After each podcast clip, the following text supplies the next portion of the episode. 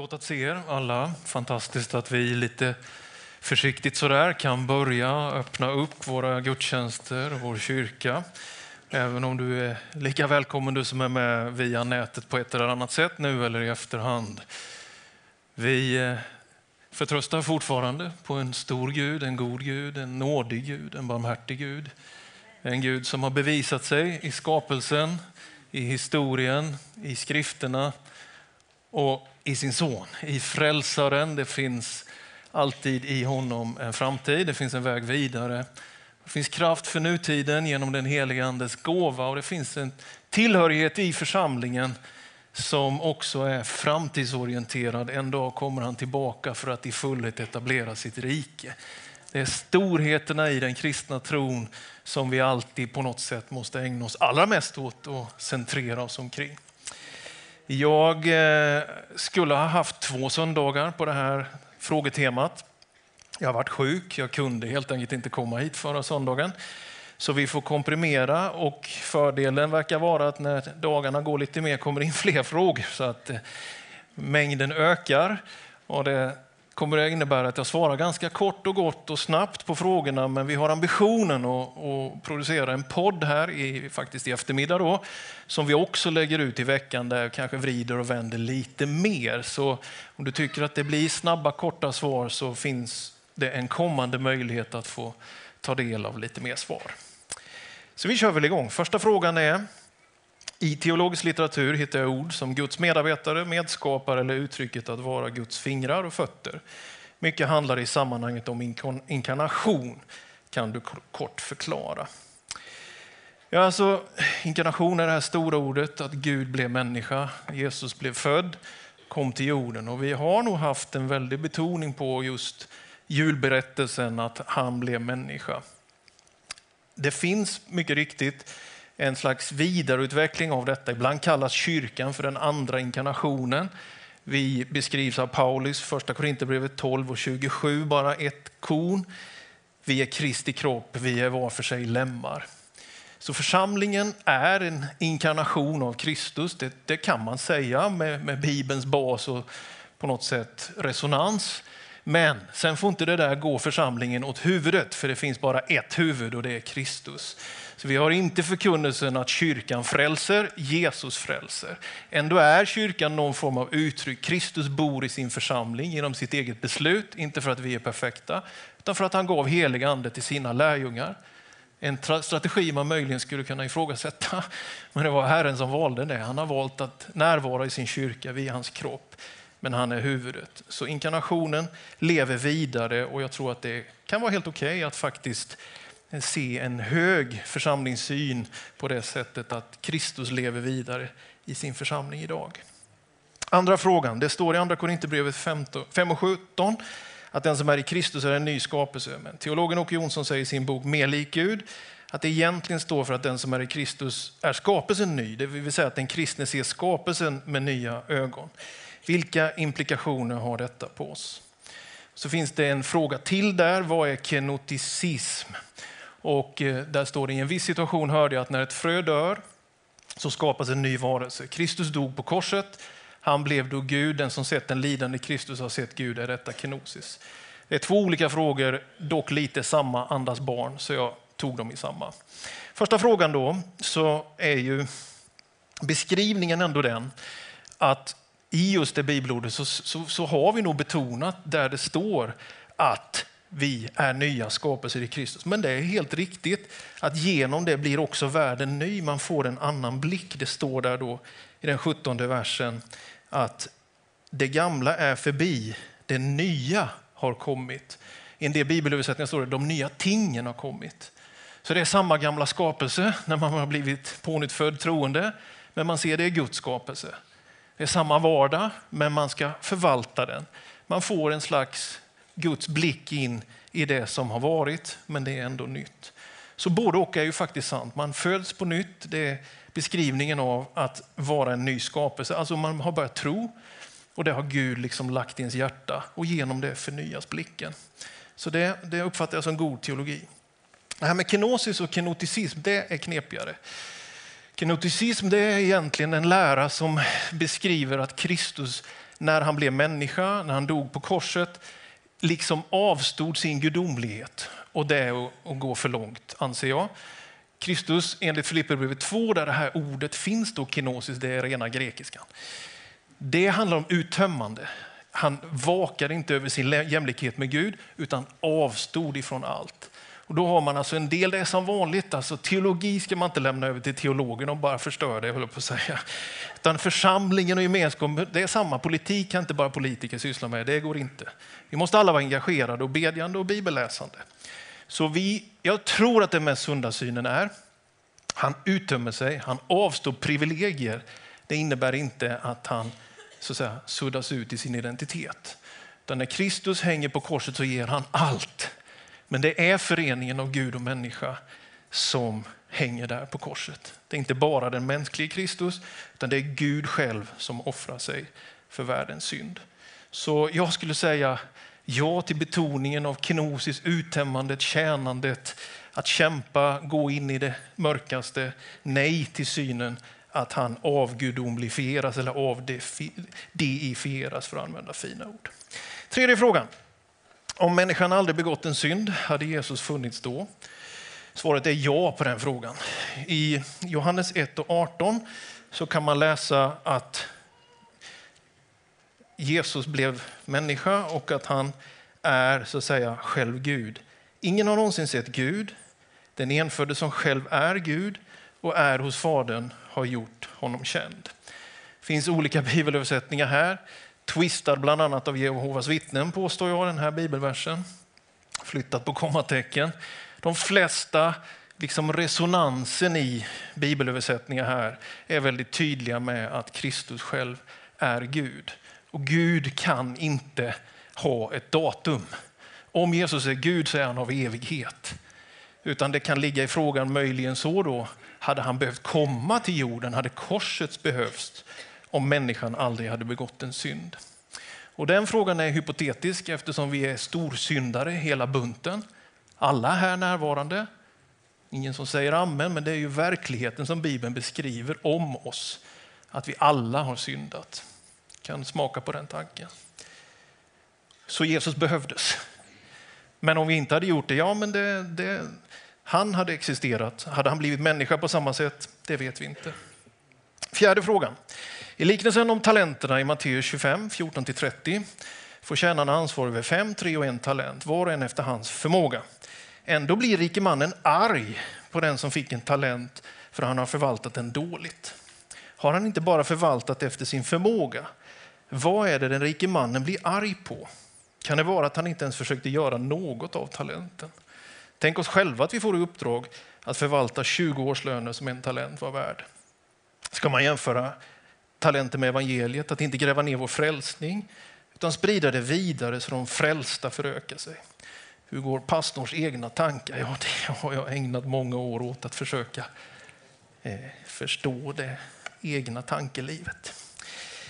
Nej, men det här är ju en tydlig bild. Nu, ska, nu är det en bild. Och man, ska, man kan pressa byxor i pressväck. Det kanske inte är supermodernt, jag vet inte. Men man, man kan pressa blommor i gamla böcker. och så här, Man ska dock inte pressa bilder för mycket. Det här är en bild, ska man komma ihåg. Men den slår an en ton och den visar på en andlig sanning. Och här är det väl egentligen det att det handlar om att vad du än får, om du tycker det är lite eller mycket, så har du ett ansvar, ett uppdrag från Gud ytterst att förvalta det. Gör någonting med det. Din tid, din förmåga, dina tillgångar. Det är faktiskt fel att gräva ner det. Att inte tro att du kan göra någonting, att inte du kan tjäna Gud. Det, det, det är fel. Utan förvaltandet är viktigt. För att nuets insatser påverkar evigheten. Skulle jag komma i predikomod på den här versen då skulle man kunna ge sig på de rika. Han blir arg, den rike mannen. Konstigt att rika som har så mycket blir arg. Det går att predika loss den här texten åt alla väderstrecken. Jag avstår detta idag. Två frågor som läggs tillsammans eh, kommer här. Emmausvandrarna i Bibeln gick hela vägen till Emmaus utan att veta att Jesus slagit följe med dem. Först vid måltiden upptäcker de att Jesus följt dem. Är det inte så idag också att vi inte alltid tänker på att Jesus följer oss hela tiden och att vi inte utnyttjar den förmånen? Och då en liknande fråga som vi lägger in här. Min fråga är, kan Gud se in i framtiden i detalj. Han har ju grepp om de stora planerna som beskrivs i till exempel Uppenbarelseboken. Men vet han nu exakt på sekunden när jag kommer att börja laga frukost på onsdag morgon? Frågan berör ju hur jag lever mitt liv, hur jag handlar, hur jag ber och så vidare. Alltså, här finns väl som två diken då, som jag målar ut i alla fall. Det ena är ju som om vi går omkring och blir rädda för Guds närvaro och tänker att det bästa vore att man vore en slags änglalik robot som alltid gör rätt. Gud se mig. Håll händerna på täcket. Gud ser allt. Det andra är ju som om man vore kristen, men i vardagen nästan en praktiserande ateist. Att Gud inte liksom har något intresse av ja, men min vardag, mitt vardagsbeslut. Jag har citerat i den här kyrkan flera gånger, ett av mina favoritcitat. C.S. Lewis, en kristen tänkare, filosof, han säger så här. Gud är så allsmäktig att han gav dig den fria viljan. Det tror jag är en sund ton ifrån evangeliernas berättelse om hur Gud interagerar med människan. Det är inte så att Gud vill ha oss som robotiserade kristna som inte har någon... E- han vill att vi ska vilja. Han vill att vi ska fatta beslut. Han är aktiv i sin skapelse. Vi är inte deister som tror att Gud bara skapar och sen låter det vara. Men han är inte aktiv på ett sådant sätt att du inte får samverka och fatta dina beslut. Så fri vilja, men inte vidskepelse. Lägg din dag i Guds hand. Be honom hjälpa dig i de vardagliga bestyren. Men gå inte omkring och tro att Gud letar fel på dig, utan han vill hjälpa dig och leda dig. Så han har grepp om de stora händelserna, absolut. Han är obegränsad av tid och rum. Han är i nuet och i, framtiden på samma gång. Han är i alla rummen. Han är allsmäktig. De fina orden är omnipotent, omnipresent. Han är överallt på samma gång hela tiden. Han är ande dock. Hade han varit fysisk så hade vi inte kunnat existera för då hade han uppfyllt allt. Herren är här.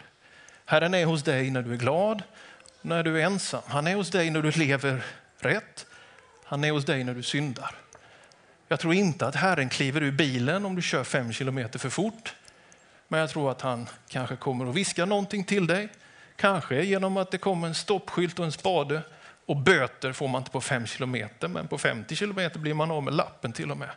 Kanske till och med Herren viskar någonting hur du skulle framföra ditt fordon. Har du en Saab finns ju en stor risk man kör lite väl fort. Så Herren han ser, han vet. Det är inget vi ska bli rädda för. Han hjälper dig. Han viker inte från din sida när du kommer ur den skrymsliga garderoben av utrymme där du kanske skäms för någonting som du har sagt eller gjort. Utan han är frälsaren, han älskar, han hjälper.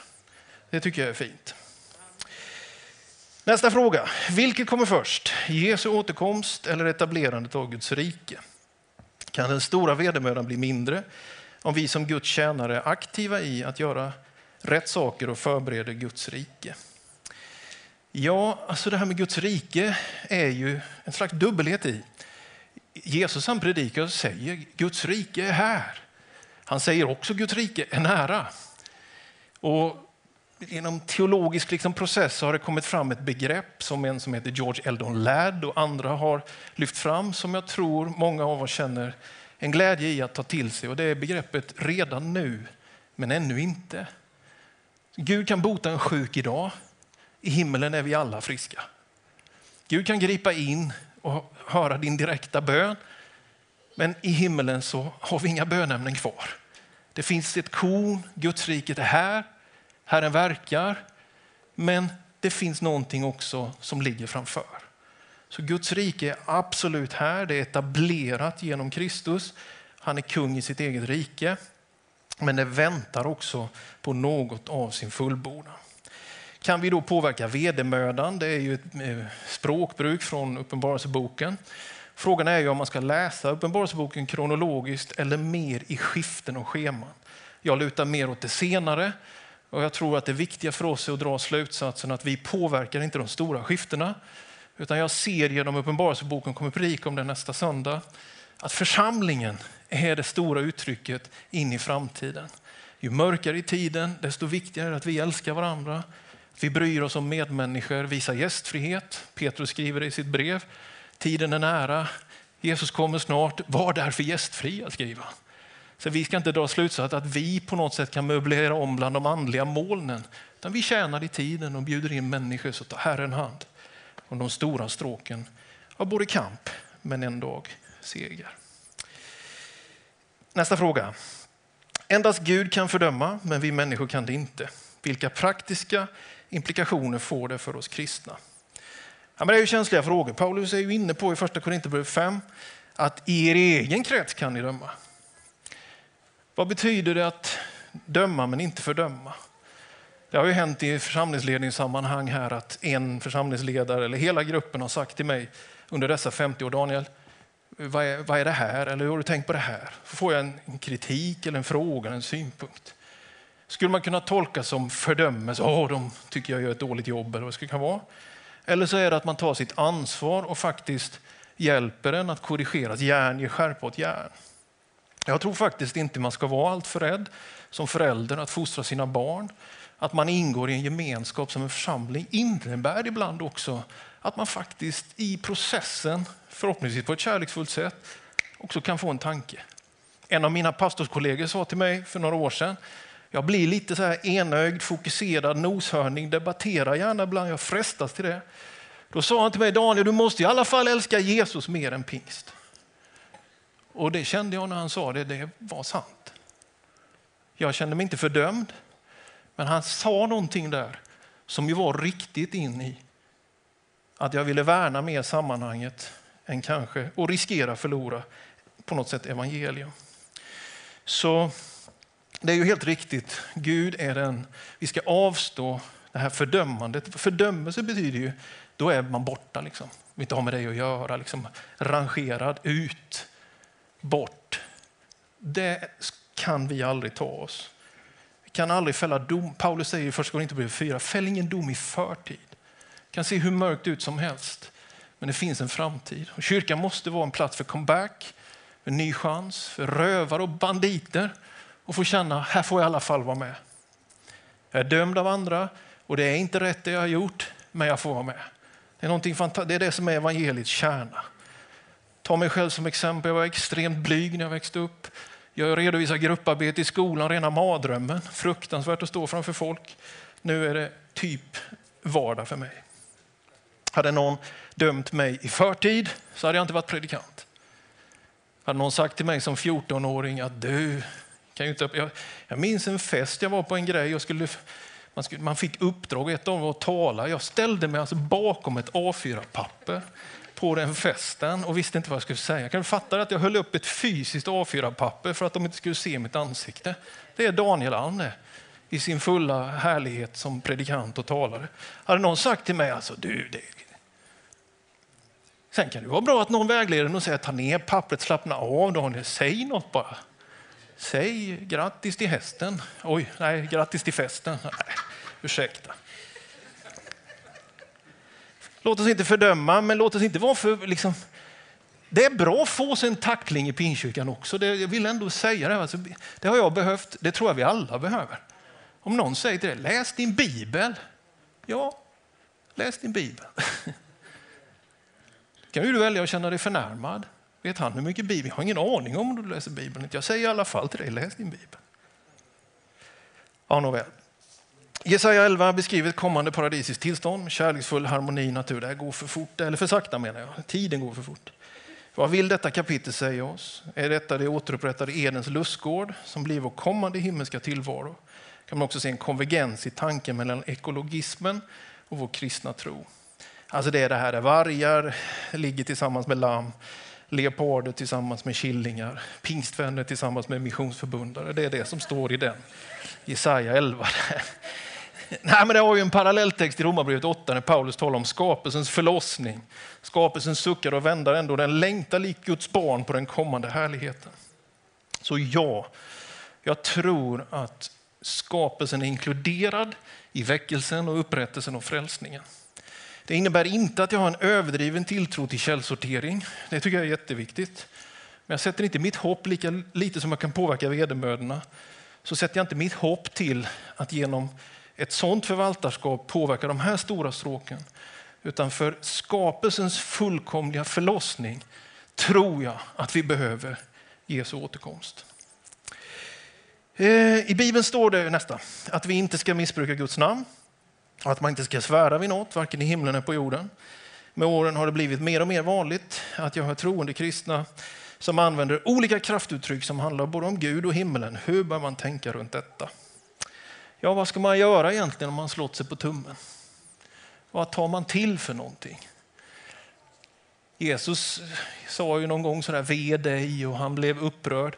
Jag tror faktiskt att människan behöver kraftuttryck ibland. Man behöver ventilera ut det. Men man får väl försöka odla, ni får väl ge varandra tips om ni har någonting. Min far till exempel, hans kraftfullaste kraftuttryck som jag någonsin kan minnas han sa, det hände han slog sig på tummen i min närvaro. Då sa han eländes elände, sa han med eftertryck. Det var det kraftigaste han kunde få ur sig. Det kan ju vara ett tips för någon kanske. Nej, inte ska vi hålla på och svära och förbanna och missbruka Guds namn. Jag tror vi får be helig ande och fylla oss för att få ett bra språk. Men ibland slår man sig på tummen här i livet och då kommer man behöva ventilera det på något sätt.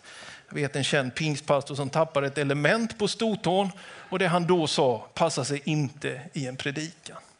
Så vi är bristfälliga. Nu var inte det jag den gången, det var en annan. Det var ingen här heller. Ja, sista frågan här innan solosång. Människan har funnits i miljontals år, föll i synd redan från starten. Upprättelsen genom Jesus, förlåtelsen och nåden kom först för 2000 år sedan. Varför dröjde det så länge? Efter vilken måttstock kommer människorna före Jesus att dömas? Gäller samma måttstock för människor idag som inte hört talas om Jesus? Blir domen hårdare för den som hört om Jesus men inte förstått, tagit till sig frälsningen som vi predikar? Galaterbrevet 4 skriver Paulus, när tiden var inne sände Gud sin son. Och det får man helt enkelt böja sig för. Guds timing, Guds kairos då. Guds, det är inte Kronos kalenderklocka utan det är skeende paradigm. Och Gud, när tiden är inne så sände han sin son. Och det kan, man kan säga ja, men det fanns romerska vägnätet, romerska freden, viss religionsfrihet. Det var den bästa infrastrukturen världen dittills hade skådat. Ja, det finns en del sådana, men ändå tror jag man får konstatera det. Det låg i Guds hand, han valde den tiden. Varför dröjde så länge? Jag vet inte. Hur kommer människor före Jesus att dömas? Också i Guds hand. Det är inte vår uppgift att döma människans evighet.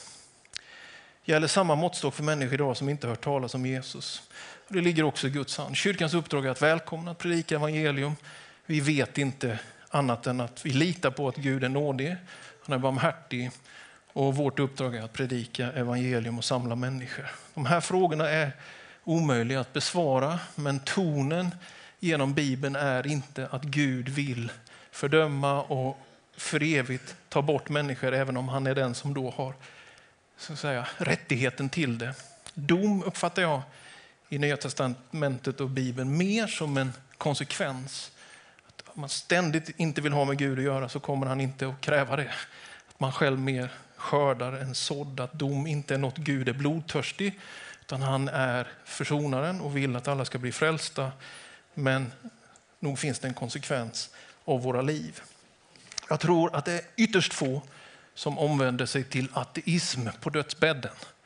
Inför de sista andetagen, när man står ensam, när förmågan klingar av att ta ansvar, är det väldigt få människor som säger det här fixar jag själv. Jag tror att miljarder människor, miljoner människor, de ber till Gud under stjärnhimlen i Afghanistan eller i ensamhet i stora städer i västvärlden så är det oerhört många fler som tillhör Herren än vad vi har en aning om.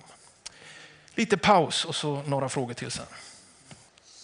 Nästa fråga. I Markus kapitel 9 botar Jesus en stum pojke. Lärjungarna kunde då inte driva ut den stumma anden. I vers 24 säger faren jag tror, hjälp min otro. I vers 29 säger Jesus detta slag kan endast drivas ut med bön. Senare efter Jesu korsfästelse skedde mycket genom lärjungarna. Idag sker det förvisso under, men som jag uppfattar det i förhållande till Jesu tid sker det förhållandevis lite. Eh, har vi för lite tro eller bör vi be annorlunda för att det ska ske mer? Ja, det ligger nästan svaret i frågan. Absolut att vi skulle ha mer liksom frimodighet. De som har gåvor att be för sjuka. Vi alla kan be med vissa särskild be andlig begåvning. Så absolut ja. Jag tror att välfärdssamhället har gjort att vi lite mer på default går till läkaren än till förbön. Och vi behöver gå till läkaren ibland, men vi kan också gå till förbön. Så det har väl också gjort att välfärdssamhället har minskat på något sätt efterfrågan ibland på förbön. Så mer frimodig bön, men också ett värnande av integriteten. Jesus frågar människor, vad vill du jag ska göra för dig? Vill du bli frisk? Tror inte på en, en kyrka som på något sätt flyger på folk. Och skulle du komma fram till mig och säga, Daniel jag vill be för dig. Du har ju så förskräcklig handstil att du får sluta vara vänsterhänt, får bli högerhänt istället. Så skulle jag kanske ändå fundera lite grann om jag har någon större lust med det. Nu har jag väldigt dålig handstil i och för sig. Så respekt för integriteten och mycket frimodighet i förbönen, då kan det ske mer under. Ja, nu kommer det ett knippe etiska frågor kan man säga här. Vad är vår kyrkas inställning till preventivmedel idag? Ja, vi har inte det i någon särskild predikan eller stadgar. vi har inte ägnat så mycket, det får man erkänna, det här är ju inget vi ägnar så mycket förkunnelsetid åt. Och personligen så har jag inget emot det. Jag har lite svårt att säga kapitel och vers, men jag tror nog att man använder det efter mognad. Jag tror att det man skulle givetvis kunna sätta som en asterisk är att inte liksom missbruka preventivmedel för ett väldigt lösaktigt liv, absolut, skicka med. Men att vi skulle vara emot preventivmedel, det, det är vi inte. Döm inte så ska ni inte bli dömda. Förklara ingen skyldig så ska ni inte dömas skyldiga. Frikänn så ska ni bli frikända. Lukas 6.37. Förklara gärna vad det innebär. Till exempel vår relation till personer med annan läggning eller vår relation till människor som lever i synd. Det touchar väl kanske typ hbtq-frågor. Ja, nej men det är ju, det är ju en, det är en avgörande grundbult att varje människa är Guds avbild. Varje människa är skapad unik med ett lika värde, egenvärde och ett evighetsvärde. Det finns grundbultar som är kristen människosyn, hennes värdighet oavsett vad. Som vi var inne på tidigare tillhör det också den berättelsen att varje människa syndar och behöver försoning och frälsning oavsett så att säga, ålder, läggning eller vad man ska säga. Alltså, vi människor tillsammans har behov av frälsning. Det är också en del av den bibliska berättelsen. Så därför tänker jag att det borde ju vara så i en kyrka att vi, att vi på något sätt mer alla eh, är öppna för denna, detta behov av... Vi är ju inte här för att vi fixade det och felfria, snarare tvärtom tillhör man ju en kristen kyrka för att man har insett att jag behöver, behov, eller jag behöver frälsning och hjälp. Så, så jag tänker att det måste finnas en, en sån schysst hållning där vi på något sätt kämpar med livet tillsammans. Romarbrevet 1 och 2 är liksom en bra läsning här. Va? Där listar Paulus duktigt. Alltså det är rejäl syndakatalog i Romarbrevet 1. Sen vänder han på det. Teologerna i Romarbrevet 2 brukar kalla Romarbrevet 2 för råttfällan. Och det betyder att han helt enkelt vänder och så säger han därför är du utan ursäkt vem du än är som dömer. Alltså det blir med en slags generell liksom syn att vi alla då är i behov av frälsning. Även om vissa saker kanske märks mer än annat så, så tror jag att det här kan hjälpa oss. Romarbrevet 1 och 2 tillsammans. Ja, det finns, vi är Guds avbild, men det finns synd. Men det finns försoning och vi har alla samma behov. Så jag är inte så där väldigt mycket för att liksom särbehandla, utan jag tänker att vi är oerhört mycket i samma båt, alla vi människor, även om vi har olika saker som påverkar oss på olika sätt. Nästa fråga. I församlingen finns flertal hbtq-personer, många som inte vågar komma ut. Vad skulle du vilja säga till dem, speciellt ungdomar? Jag har själv personlig erfarenhet att det inte alltid talas gott om oss som är gay, hbtq inom olika sammanhang som gudstjänster, läger och seminarier. Och vad är din och församlingens önskan över framtiden för aktiva medlemmar som är hbtq? Det är ju Pride-tid, eh, både i Stockholm och tror jag nu i Malmö. Och de här frågorna lyfts. Och man kan konstatera att samtidsandan säger väldigt mycket att detta handlar om människans lika värde. Och då vi som kanske uppfattas då ha en mer konservativ, traditionell syn på samliv uppfattas då inte se alla lika mycket värda. Den, den eh, konflikten eller debatten finns ju verkligen. Och att det finns människor som har en same sex attraction, att man attraheras till samma kön, är på inget sätt något nytt. Det har stigmatiserats såväl i samhälle som i kyrkan, absolut. Det har ju varit sjukdomsklassat periodvis i Sverige fram till någon gång 50-talet när det var. Så visst, absolut, det har funnits en, en, en, en tyngd och en problematiserande av detta. Vi till exempel här i kyrkan, om du kommer till tro på Jesus, säger jag vill gå med i församlingen, jag vill låta döpa mig i vatten, så, så har jag aldrig varit med om att någon av oss frågar liksom, om sexuella preferenser eller den typen av frågor överhuvudtaget, utan vi, vi agerar på tro. Och den tro du bär. Och här är två stora begrepp för att också försöka förstå en kyrka som tror på Gud som en auktoritet och Bibeln som en auktoritet. Det är tro och det är rättighet. Och Bibeln och den här miljön kommer ju mer ur du är Guds avbild, du kan leva i tro på honom, hur du än har det och vem du än är. Och kyrkan ska leva utifrån detta. Samtiden utgår mer ifrån de egna rättigheterna, möjligheterna. Och det är ju inte riktigt vår ingång. Ta exemplet att man demokratiserade Sverige, säger man frikyrkorörelsen. Ja, men det var ju inte så att frikyrkan hade en vision om att demokratisera Sverige, utan man läste i Bibeln att även kvinnor kan höra Guds röst, kvinnor kan vara ledare, alla kan vara präster. Det gav en följd av att man ansåg självklart måste väl alla få rösta. Så att tron låg före rättigheten kan man säga. Den byggde upp någonting och den liksom kom i en sån konsekvens. Och mycket i vår tid vill inte kanske räkna in en aktiv Gud eller en, en, en, en bibelsyn som i någon mening säger att den här boken får styra mitt liv, utan mer det här är jag, det här vill jag ha förståelse för och det här vill jag få tillgodosett. Och här uppstår, det bara att vara ärlig, här uppstår ibland en konflikt. Konfliktyta och det är den här frågan och många andra frågor. Och här tror jag det är superviktigt att hålla ihop det som vi var inne på innan. Varje människa är unik, varje människa är älskad. Inget konstigt med att man skulle ha en läggning i, i någon riktning. Det har funnits och det finns. Och kyrkan har då traditionellt, och där står vi fortfarande i den fåran, och jag hoppas kunna leva i den fåran. Där har vi på något sätt haft med människor, människor får vara med och fungera och, och tjäna. Men vi har inte gjort äktenskap av det. Och det kommer ur en tro, en övertygelse att äktenskapet inte är en mänsklig rättighet, att det inte är till för alla. Vi kan läsa Matteus 19 där Jesus ger tre skäl till varför en människa inte gifter sig. Jag tror att vi har odlat kärnfamiljsnormen lite för hårt ibland, så det är som att det enda som är lyckat är att vara pappa, mamma, två barn, pojke, flicka typ. Det är en skada att vi har varit så stereotypa. Men jag tror ändå att vår hållning är att inkludera alla, men inte allt. Jag hoppas att hbtq-människor som finns här i församlingen, andra församlingar, ska känna sig respekterade. Det finns ingen orsak att måla ut vissa läggningar eller personer som värre eller rätt och bättre. Inte så. Utan däremot handlar det sedan om samlivet och det som kommer tillsammans. Hur ska det levas ut? Och där är det då en en komplexitet i vad man ser i skapelsen, vad man ser i Bibeln och vad man ser i praxis och historia.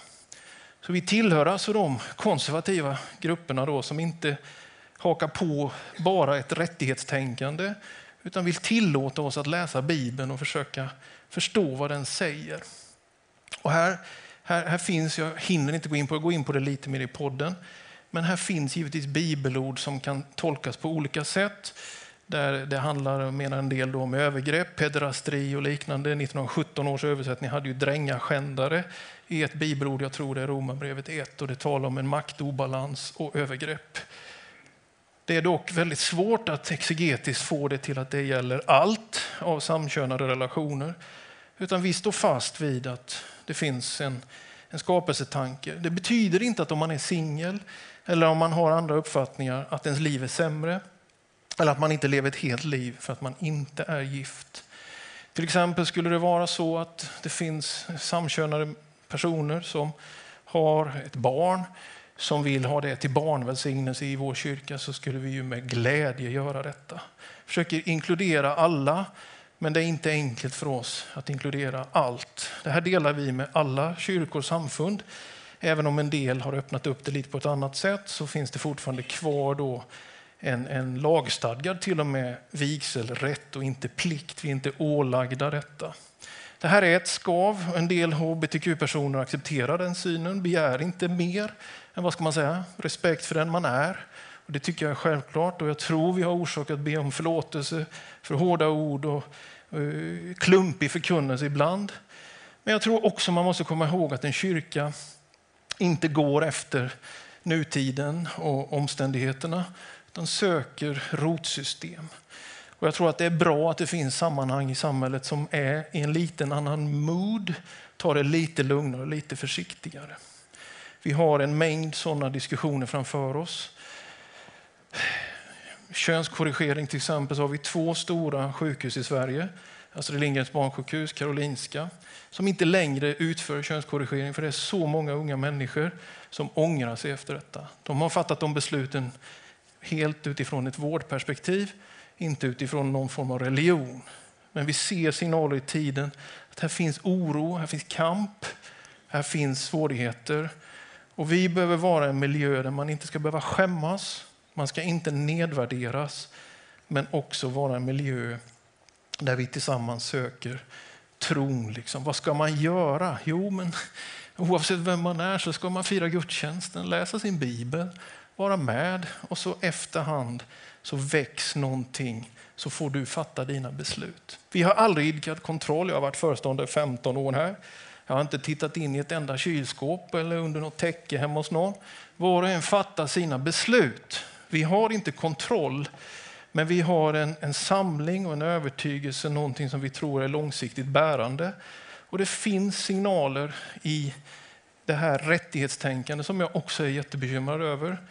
Det kom en debattartikel förra veckan om att man ska kunna definiera i förväg hur många föräldrar man har och barnet efter födelse ska sen kunna välja föräldrar, kunna ha flera stycken föräldrar. Jag tänker att man går väldigt, väldigt långt ibland i ett rättighetsperspektiv och här behöver vi hjälpa varandra att faktiskt vara försiktiga, rädda om varandra, inte hårda, men också värna de här storheterna.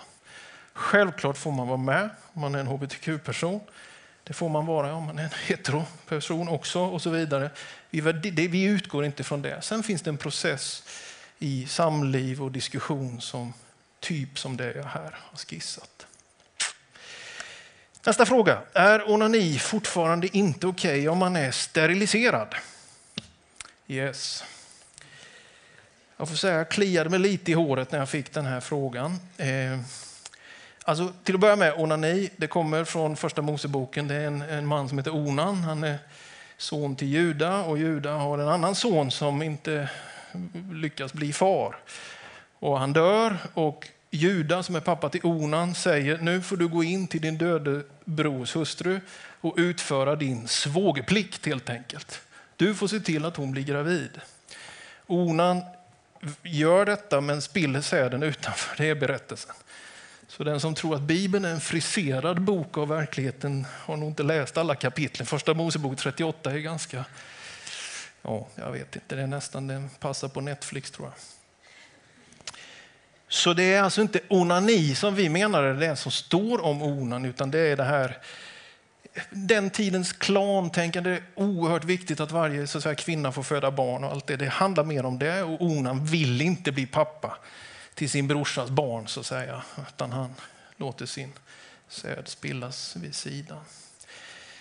Alltså, ja, jag vet vad jag ska säga. Alltså, onani tillhör ju på något sätt, man växer upp, adolescensen, tonåren, Jag tror att tror att det vore väldigt farligt om man säger från en sån här talarstol att det är no, no, no, liksom. du får inte, don't touch yourself. Det, det, tror jag inte går. Jag tror det är fel. Jag tror det är farligt och olämpligt. Jag tror det dock finns ett annat dike när det går över i ja, men porrmissbruk kanske, osunda vanor på något sätt. Det finns liksom, inte helt riskfritt ändå, utan det kan bli osunt. Det måste man också vara ärlig och säga. Så jag tänker att det gäller detsamma om det är någon som verkligen kämpar med detta. Att, ja, men, mitt tips är ju aldrig egentligen att skärp dig. Liksom. Mitt tips är att läsa din bibel, tala i tungor, ta emot nattvard och förbön, gör något för någon annan. Börja göra bra saker, heja på Elit Vetlanda, speedway, Tottenham i fotboll, skaffa dig viktiga fina sympatier så kommer det att gå att det där klingar lite grann av. Nu ligger det väl i frågan här att liksom kanske då, ja, men när man steriliserar kunde man ju ändå inte bli så att säga, pappa eller mamma. Då. Och, och det, jag får säga, den tankebanan har jag faktiskt aldrig tänkt. Ehm, och eh, vet knappt vad jag ska svara. Svarar väl att jag, jag gör inte den kopplingen helt enkelt. Utan jag, jag tror att lever man ensam och när man är tonåring, det, det är oundvikligt att man lär känna sin kropp. Men Gud kan hjälpa dig och oss alla till att inte det blir liksom något du faktiskt sitter fast i. Jag tror jag nöjer mig där. Bara någon fråga kvar nu. Jag kommer få skäll av Gabriella imorgon här, men det går bra. Eller en synpunkt, inte skäll. Kan jag och min partner vara förebedjare även om vi lever som sambo? Ja, det är ju en direkt fråga som jag kanske då kan, skulle möjligtvis kunna ana är liksom ett case. Då. Men alltså där är väl frågan, där är det väl svaret är väl liksom, det blir så här pastor Jansson. Svaret är nej, det kan du inte om man liksom har en hållning av att nej, vi äktenskap är inget att ha, det är värdelöst. Gud ska inte lägga sig i våra relationer, vi tänker vara sambo, det predikar vi. Har du den attityden tycker jag inte du ska vara förebedjare i Pingstkyrkan. Om det finns andra bakgrunder, det kan finnas barn, det kan finnas ekonomi, det kan finnas olika orsaker som jag inte kan tänka ut som gör att man faktiskt behöver leva sambo en period av något skäl, så kan du absolut vara förebedjare. Så att lite grann är det svårt att svara generellt. Rent allmänt kan man väl säga så här att vi är inte donatister. Donatism är en teologisk strömning som säger att om du har minsta fläck, liksom, då kan du inte tjäna Gud. Liksom. Din lovsång är värdelös om du talar illa om någon här ute i foajén. Vi, vi, gör inte den, det blir vidskepligt. Vi är inte donatister. Ni vet, det handlar om präster va? som hade döpt barn till exempel. Och sen så visade att prästen var lite halvkorrupt själv. Då annullerade man vissa dop för den, den prästen. Ja, vi är inte donatister. Gud verkar genom de mest speciella människors böner. Det ligger liksom inte på det planet, utan här blir det mer en förtroendefråga som man får ta tag i. Ja, nästa fråga. Jag har grubblat under åren om det finns en kollektiv synd. Om staten hypotetiskt säger att till exempel romer, judar, armenier är ett folkslag som måste utrotas och staten gör det, vad är då min uppgift inför Gud? Kai Munk i Danmark under kriget delade andens fördömande ord från predikstolen. Skjuts av Gestapo dagen på. Vad är vårt ansvar i dessa och besläktade frågor? Ja, men det här är en stor fråga, svår fråga. Vad är strukturell synd? Vad är kollektiv? Vad blir jag delaktig i? Det, det, det, personliga är det primära, det du själv gör. Du kan inte, man kan inte lasta alla tyskar för vad Nazi-Tyskland gjorde och så vidare. Man måste dra den linjen. Det blir ett väldigt nedsmetande annars. Men självklart kan man ändå tänka tanken om att ibland agerar vi tillsammans på ett sätt som också blir kollektivt. Eh, nu ska jag reta upp några stycken här. Eh, till exempel skulle man kunna säga att golfspelare är kollektiva syndare utifrån att man tar i anspråk väldigt mycket odlingsbar mark som man hypotetiskt hade kunnat odla för att föda undernärda människor i världen. Så att en golfspelare begår vid varje tee, liksom ropa får, så är det egentligen att säga här kommer stor kollektivsyndaren.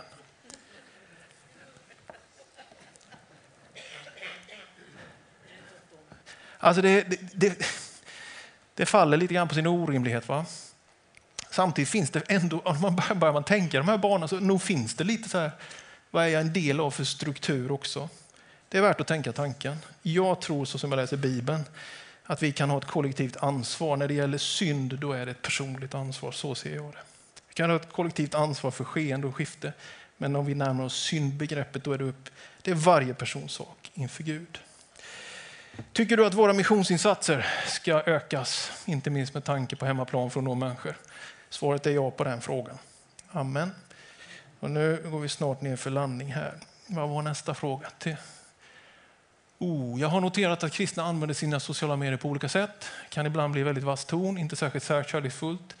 nästan utlämnad av någon annan. Hur kan vi som kristna tänka kring hur vi uttrycker oss på sociala medier på ett kärleksfullt och respektfullt sätt utan att för den delen tystna när vi egentligen bör reagera. Bibeln säger älska din nästa som dig själv och behandla människor som du själv vill bli behandlad. Hur praktiserar det på sociala medier?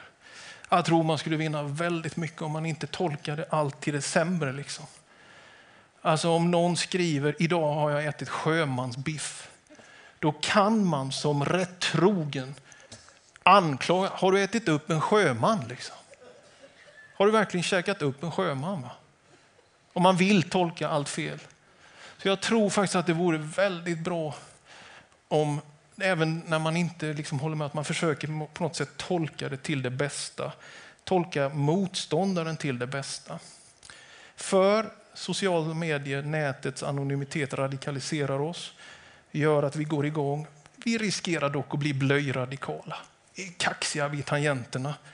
Inte så mycket i det personliga, beslutsamma, vardagliga. Så att hålla upp en nivå, the benefit of doubt, tolka motståndaren också till det bästa. Det är alltså inte säkert att den som äter sjömansbiff har ätit upp en sjöman. Och så har vi någon sista fråga här. Att bli döpt, detta är sista frågan.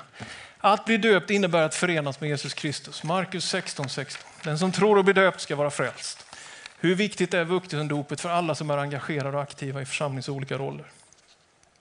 Detta är ju baptismens grundidé. Du tar ditt beslut, du går själv till din dopgrav, du säger jag vill följa Jesus. Det definierar vår församlingssyn och vår människosyn. Det är frihet i troendedopet och vuxendopet. Vi, vi har ett annat tolkningssystem än spädbarnsbegjutning. Vi tror på det personliga beslutet och det är en väldig frihet i detta. Så det har en oerhörd styrka. Tro på Herren Jesus och låt döpa dig. Nu har du två tillfällen framför dig, 29 augusti och 12 september. Kära vänner, med detta hoppas jag att ni, om ni nu behöver gå till frisören efter den här, att det har flöt till så, så får jag acceptera det. Men tack så mycket för uppmärksamheten och jag hoppas det har skickat med några kon i din process.